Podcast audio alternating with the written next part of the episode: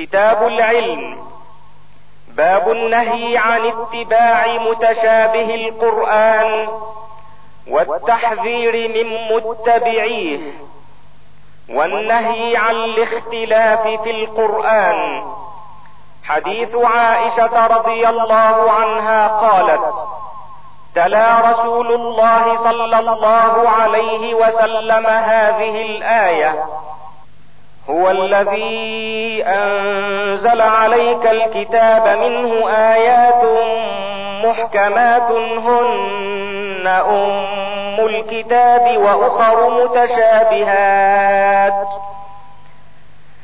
فاما الذين في قلوبهم زيغ فيتبعون ما تشابه منه ابتغاء الفتنه وابتغاء تاويله وما يعلم تاويله الا الله والراسخون في العلم يقولون آمنا به كل من عند ربنا وما يذكر إلا أولو الألباب. قالت قال رسول الله صلى الله عليه وسلم فإذا رأيت الذين يتبعون ما تشابه منه فأولئك الذين سمى الله فاحذروهم. وعن جندب رضي الله عنه قال النبي صلى الله عليه وسلم اقرأوا القرآن ما ائتلفت عليه قلوبكم فإذا اختلفتم فقوموا عنه. باب في الألد الخصم. حديث عائشة رضي الله عنها عن النبي صلى الله عليه وسلم قال إن أبغض الرجال إلى الله الألد الخصم. باب اتباع سنن اليهود والنصارى. حديث أبي سعيد الخدري رضي الله عنه عن النبي صلى الله عليه وسلم قال لتتبعن سنن من كان قبلكم. شبرا بشبر وذراعا بذراع. حتى لو دخلوا جحر ضب تبعتموهم. قلنا يا رسول الله اليهود والنصارى قال فمن؟ باب رفع العلم وقبضه وظهور الجهل والفتن في آخر الزمان. حديث أنس رضي الله عنه قال قال رسول الله صلى الله عليه وسلم إن من أشراط الساعة أن يرفع العلم ويثبت الجهل ويشرب الخمر ويظهر الزنا. وعن أبي موسى رضي الله عنه قال النبي صلى الله عليه وسلم إن بين يدي الساعة أياما يرفع فيها العلم وينزل فيها الجهل ويكثر فيها الهرج والهرج القتل. وعن أبي هريرة رضي الله عنه عن النبي صلى الله عليه وسلم قال يتقارب الزمان وينقص العمل ويلقى الشح وتظهر الفتن ويكثر الهرج. قالوا يا رسول الله أيما هو؟ قال القتل القتل. وعن عبد الله بن عمرو بن العاص رضي الله عنهما قال سمعت رسول الله صلى الله عليه وسلم يقول إن الله لا يقبض العلم انتزاعا ينتزعه من العباد ولكن يقبض العلم بقبض العلماء. حتى إذا لم يبق عالما اتخذ الناس رؤوسا جهالا فسئلوا فأفتوا بغير علم فضلوا وأضلوا. كتاب الذكر والدعاء والتوبة والاستغفار. باب الحث على ذكر الله تعالى. حديث أبي هريرة رضي الله عنه قال قال النبي صلى الله عليه وسلم يقول الله تعالى أنا عند ظن عبدي بي وأنا معه إذا ذكرني فإن ذكرني في نفسه ذكرته في نفسي. وإن ذكرني في ملأ ذكرته في ملأ خير منهم. وإن تقرب إلي بشبر تقربت إليه ذراعا. وإن تقرب إلي ذراعا تقربت إليه باعا. وإن أتاني يمشي أتيته هرولة. باب في أسماء الله تعالى وفضل من أحصاها. حديث أبي هريرة رضي الله عنه أن رسول الله صلى الله عليه وسلم قال إن لله تسعة وتسعين اسما مئة إلا واحدا من أحصاها دخل الجنة. وزاد في رواية أخرى وهو وتر يحب الوتر. باب العزم بالدعاء ولا يقل إن شئت. حديث أنس رضي الله عنه قال قال رسول الله صلى الله عليه وسلم إذا دعا أحدكم فليعزم المسألة. ولا يقولن اللهم إن شئت فأعطني فإنه لا مستكره له. وعن أبي هريرة رضي الله عنه أن رسول الله صلى الله عليه وسلم قال لا يقولن أحدكم اللهم اغفر لي اللهم ارحمني إن شئت. ليعزم المسألة فإنه لا مكره له. باب كراهة تمني الموت لضر نزل به. حديث أنس رضي الله عنه قال قال رسول الله صلى الله عليه وسلم لا يتمنين أحد منكم الموت لضر نزل به. فإن كان لا بد متمنيا للموت فليقل اللهم أحيني. ما كانت الحياة خيرا لي؟ وتوفني. إذا كانت الوفاة خيرا لي. حديث خباب رضي الله عنه. عن قيس قال أتيت خبابا وقد اكتوى سبعا في بطنه فسمعته يقول لولا أن النبي صلى الله عليه وسلم نهانا أن ندعو بالموت لدعوت به. باب من أحب لقاء الله أحب الله لقاءه. ومن كره لقاء الله كره الله لقاءه. حديث عبادة بن الصامت رضي الله عنه عن النبي صلى الله عليه وسلم قال من أحب لقاء الله أحب الله لقاءه. ومن كره لقاء الله كره الله لقاءه. وعن أبي موسى رضي الله عنه عن النبي صلى الله عليه وسلم قال من أحب لقاء الله أحب الله لقاءه. ومن كره لقاء الله كره الله لقاءه.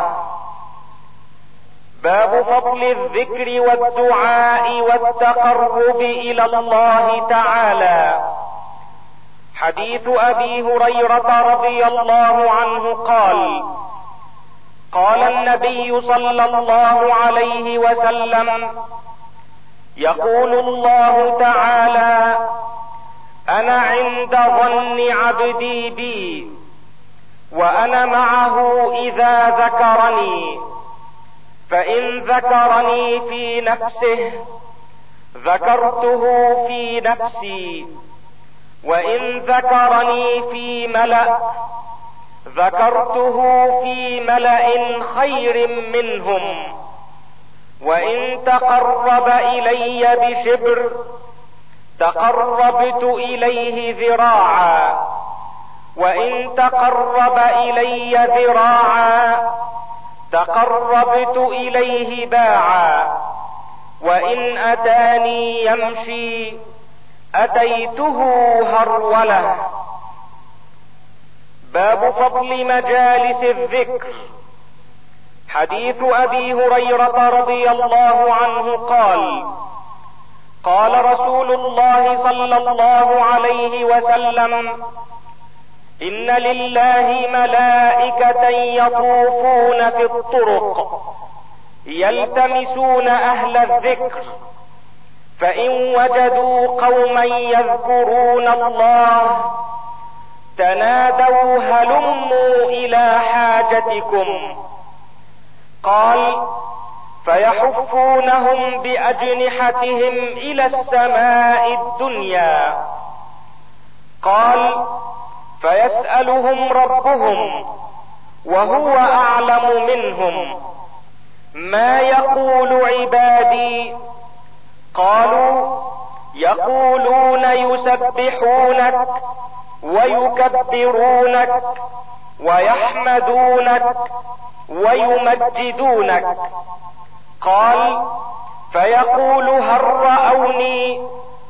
قال فيقولون لا والله ما رأوك. قال فيقول وكيف لو رأوني؟ قال يقولون لو رأوك كانوا أشد لك عبادة وأشد لك تمجيدا وأكثر لك تسبيحا.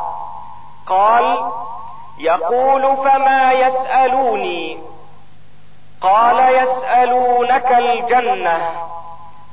قال يقول وهل راوها قال يقولون لا والله يا رب ما رأوها. قال يقول فكيف لو أنهم رأوها. قال يقولون لو أنهم رأوها كانوا أشد عليها حرصا وأشد لها طلبا وأعظم فيها رغبة. قال فمما يتعوذون؟ قال يقولون من النار. قال يقول وهل راوها قال يقولون لا والله ما رأوها. قال يقول فكيف لو رأوها؟ قال يقولون لو رأوها كانوا أشد منها فرارا وأشد لها مخافة. قال فيقول فأشهدكم أني قد غفرت لهم. قال يقول ملك من الملائكة فيهم فلان ليس منهم إنما جاء لحاجة. قال هم الجلساء لا يشقى بهم جليسهم. باب فضل الدعاء باللهم آتنا في الدنيا حسنة وفي الآخرة حسنة وقنا عذاب النار. حديث أنس رضي الله عنه قال كان أكثر دعاء النبي صلى الله عليه وسلم اللهم ربنا آتنا في الدنيا حسنة وفي الآخرة حسنة وقنا عذاب النار. باب فضل التهليل والتسبيح والدعاء. حديث أبي هريرة رضي الله عنه أن رسول الله صلى الله عليه وسلم قال من قال لا إله إلا الله وحده لا شريك له له الملك وله الحمد وهو على كل شيء قدير. في كل يوم مئة مرة كانت له عدل عشر رقاب وكتبت له مئة حسنة ومحيت عنه مئة سيئة وكانت له حرزا من الشيطان يومه ذلك حتى يمسي ولم يأت أحد بأفضل مما جاء به إلا أحد عمل أكثر من ذلك. وعن أبي هريرة رضي الله عنه أن رسول الله صلى الله عليه وسلم قال من قال سبحان الله وبحمده في يوم مئة مرة حطت عنه خطاياه وإن كانت مثل زبد البحر. وعن أبي أيوب الأنصاري رضي الله عنه عن النبي صلى الله عليه وسلم قال من قال عشرا لا إله إلا الله وحده لا شريك له له الملك وله الحمد وهو على كل شيء قدير. كان كمن أعتق رقبة من ولد إسماعيل.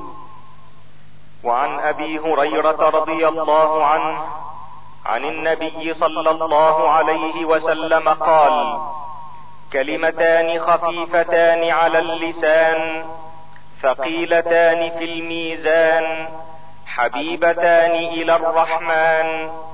سبحان الله العظيم. سبحان الله وبحمده. باب استحباب خفض الصوت بالذكر. حديث أبي موسى الأشعري رضي الله عنه قال لما غزا رسول الله صلى الله عليه وسلم خيبر أو قال لما توجه رسول الله صلى الله عليه وسلم أشرف على واد فرفعوا أصواتهم بالتكبير. الله أكبر الله أكبر لا إله إلا الله. فقال رسول الله صلى الله عليه وسلم اربعوا على أنفسكم. إنكم لا تدعون أصم ولا غائبا. إنكم تدعون سميعا قريبا وهو معكم. وأنا خلف دابة رسول الله صلى الله عليه وسلم فسمعني وأنا أقول لا حول ولا قوة إلا بالله. فقال لي يا عبد الله بن قيس قلت لبيك رسول الله. قال ألا أدلك على كلمة من كنز من كنوز الجنة؟ قلت بلى يا رسول الله فداك أبي وأمي. قال لا حول ولا قوة إلا بالله. وعن أبي بكر الصديق رضي الله عنه أنه قال لرسول الله صلى الله عليه وسلم علمني دعاء أدعو به في صلاتي. قال قل اللهم إني ظلمت نفسي ظلما كثيرا ولا يغفر الذنوب إلا أنت. فاغفر لي مغفرة من عندك وارحمني. إنك أنت الغفور الرحيم. وعن عبد الله بن عمرو رضي الله عنهما أن أبا بكر الصديق رضي الله عنه قال للنبي صلى الله عليه وسلم يا رسول الله علمني دعاء أدعو به في صلاتي. قال قل اللهم إني ظلمت نفسي ظلما كثيرا ولا يغفر الذنوب إلا أنت. فاغفر لي من عندك مغفرة إنك أنت الغفور الرحيم. باب التعوذ من شر الفتن وغيرها. حديث عائشة رضي الله عنها قالت كان النبي صلى الله عليه وسلم يقول اللهم إني أعوذ بك من فتنة النار وعذاب النار وفتنة القبر وعذاب القبر. وشر فتنة الغنى وشر فتنة الفقر. اللهم إني أعوذ بك من شر فتنة المسيح الدجال.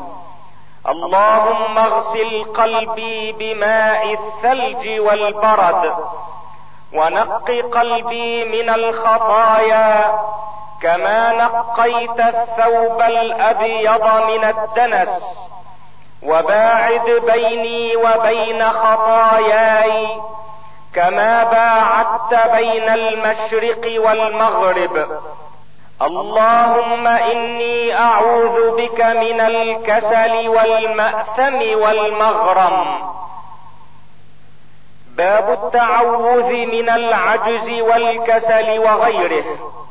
حديث أنس بن مالك رضي الله عنه قال كان نبي الله صلى الله عليه وسلم يقول اللهم إني أعوذ بك من العجز والكسل والجبن والهرم وأعوذ بك من عذاب القبر وأعوذ بك من فتنة المحيا والممات. باب في التعوذ من سوء القضاء ودرك الشقاء وغيره.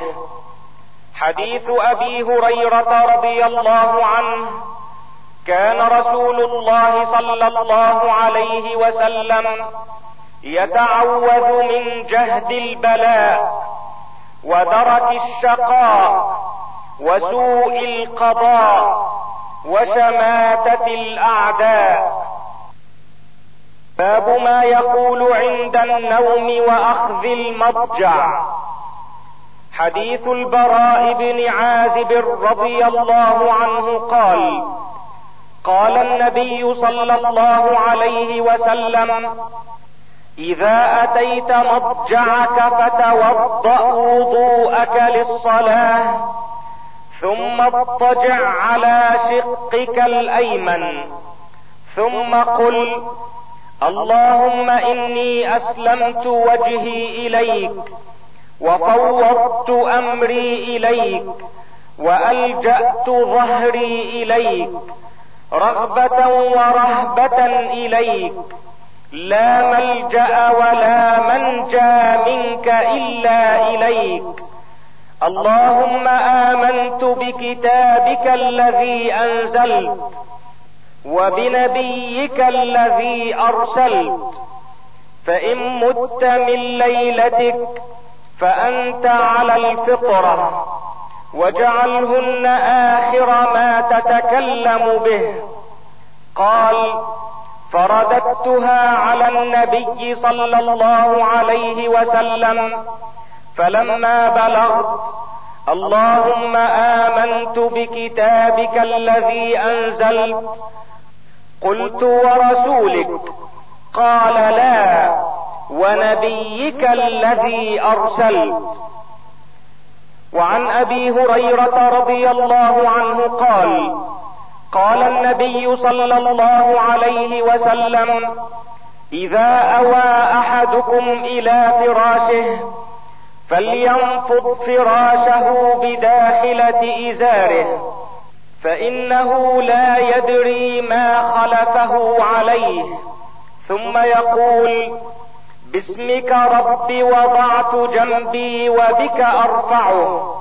إن أمسكت نفسي فارحمها وإن أرسلتها فاحفظها بما تحفظ به الصالحين. باب التعوذ من شر ما عمل ومن شر ما لم يعمل. حديث ابن عباس رضي الله عنهما أن النبي صلى الله عليه وسلم كان يقول أعوذ بعزتك الذي لا إله إلا أنت الذي لا يموت والجن والإنس يموتون. وعن أبي موسى رضي الله عنه عن النبي صلى الله عليه وسلم أنه كان يدعو بهذا الدعاء رب اغفر لي خطيئتي وجهلي وإسرافي في أمري كله. وما انت اعلم به مني. اللهم اغفر لي خطاياي وعمدي وجهلي وهزلي وكل ذلك عندي. اللهم اغفر لي ما قدمت وما اخرت وما اسررت وما اعلنت. أنت المقدم وأنت المؤخر وأنت على كل شيء قدير. وعن أبي هريرة رضي الله عنه أن رسول الله صلى الله عليه وسلم كان يقول لا إله إلا الله وحده أعز جنده ونصر عبده وغلب الأحزاب وحده فلا شيء بعده. باب التسبيح أول النهار وعند النوم. حديث علي رضي الله عنه أن فاطمة عليها السلام شكت ما تلقى من أثر الرحى. فأتى النبي صلى الله عليه وسلم سبي فانطلقت فلم تجده فوجدت عائشة فأخبرتها. فلما جاء النبي صلى الله عليه وسلم أخبرته عائشة بمجيء فاطمة. فجاء النبي صلى الله عليه وسلم إلينا. وقد أخذنا مضاجعنا. فذهبت لأقوم. فقال على مكانكما. فقعد بيننا حتى وجدت برد قدميه على صدري. وقال ألا أعلمكما خيرا مما سألتماني؟ إذا أخذتما مضاجعكما تكبرا أربعا وثلاثين وتسبحا ثلاثا وثلاثين وتحمدا ثلاثة وثلاثين فهو خير لكما من خادم. باب استحباب الدعاء عند صياح الديك. حديث أبي هريرة رضي الله عنه أن النبي صلى الله عليه وسلم قال إذا سمعتم صياح الديكة فاسألوا الله من فضله فإنها رأت ملكا.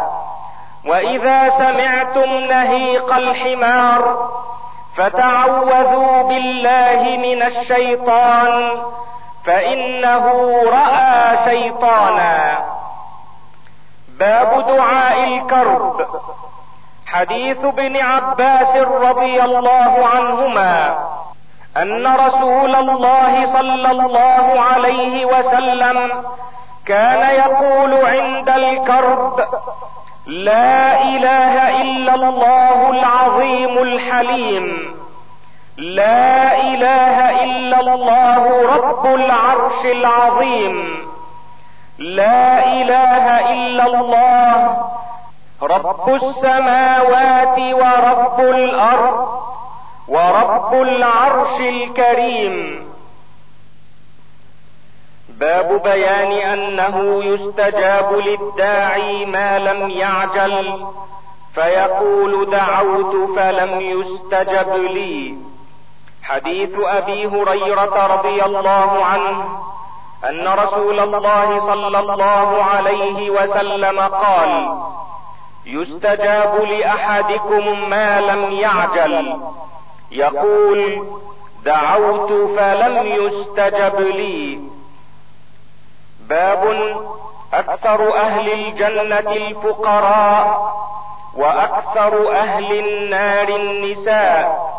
وبيان الفتنة بالنساء. حديث أسامة رضي الله عنه عن النبي صلى الله عليه وسلم قال قمت على باب الجنة فكان عامة من دخلها المساكين وأصحاب الجد محبوسون غير أن أصحاب النار قد أمر بهم إلى النار وقمت على باب النار فإذا عامة من دخلها النساء وعن أسامة بن زيد رضي الله عنهما عن النبي صلى الله عليه وسلم قال ما تركت بعدي فتنة أضر على الرجال من النساء باب قصة أصحاب الغار الثلاثة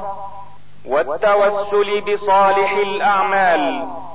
حديث ابن عمر رضي الله عنهما عن النبي صلى الله عليه وسلم قال خرج ثلاثة يمشون فأصابهم المطر فدخلوا في غار في جبل فانحطت عليهم صخرة. قال فقال بعضهم لبعض ادعوا الله بأفضل عمل عملتموه. فقال أحدهم اللهم إني كان لي أبوان شيخان كبيران فكنت أخرج فأرعى ثم أجيء فأحلب. فأجيء بالحلاب فآتي به أبوي فيشربان ثم أسقي الصبيه وأهلي وامرأتي فاحتبست ليلة فجئت فإذا هما نائمان. قال فكرهت أن أوقظهما. والصبية يتضاغون عند رجلي فلم يزل ذلك دأبي ودأبهما حتى طلع الفجر. اللهم إن كنت تعلم أني فعلت ذلك ابتغاء وجهك فافرج عنا فرجة نرى منها السماء. قال ففرج عنهم. وقال الآخر اللهم إن كنت تعلم أني كنت أحب امرأة من بنات عمي كأشد ما يحب الرجل النساء. فقالت لا تنال ذلك منها حتى تعطيها مئة دينار. فسعيت فيها حتى جمعتها. فلما قعدت بين رجليها قالت اتق الله ولا تفض الخاتم إلا بحقه. فقمت وتركتها فإن كنت تعلم أني فعلت ذلك ابتغاء وجهك فافرج عنا فرجة. قال ففرج عنهم الثلثين. وقال الآخر اللهم إن كنت تعلم أني استأجرت أجيرا بفرق من ذرة فأعطيته وأبى ذاك أن يأخذ فعمدت إلى ذلك الفرق فزرعته حتى اشتريت منه بقرا وراعيها. ثم جاء فقال يا عبد الله أعطني حقي. فقلت انطلق إلى تلك البقر وراعيها فإنها لك. فقال أتستهزئ بي؟ قال فقلت ما أستهزئ بك ولكنها لك. اللهم إن كنت تعلم أني فعلت ذلك ابتغاء وجهك فافرج عنا فكشف عنهم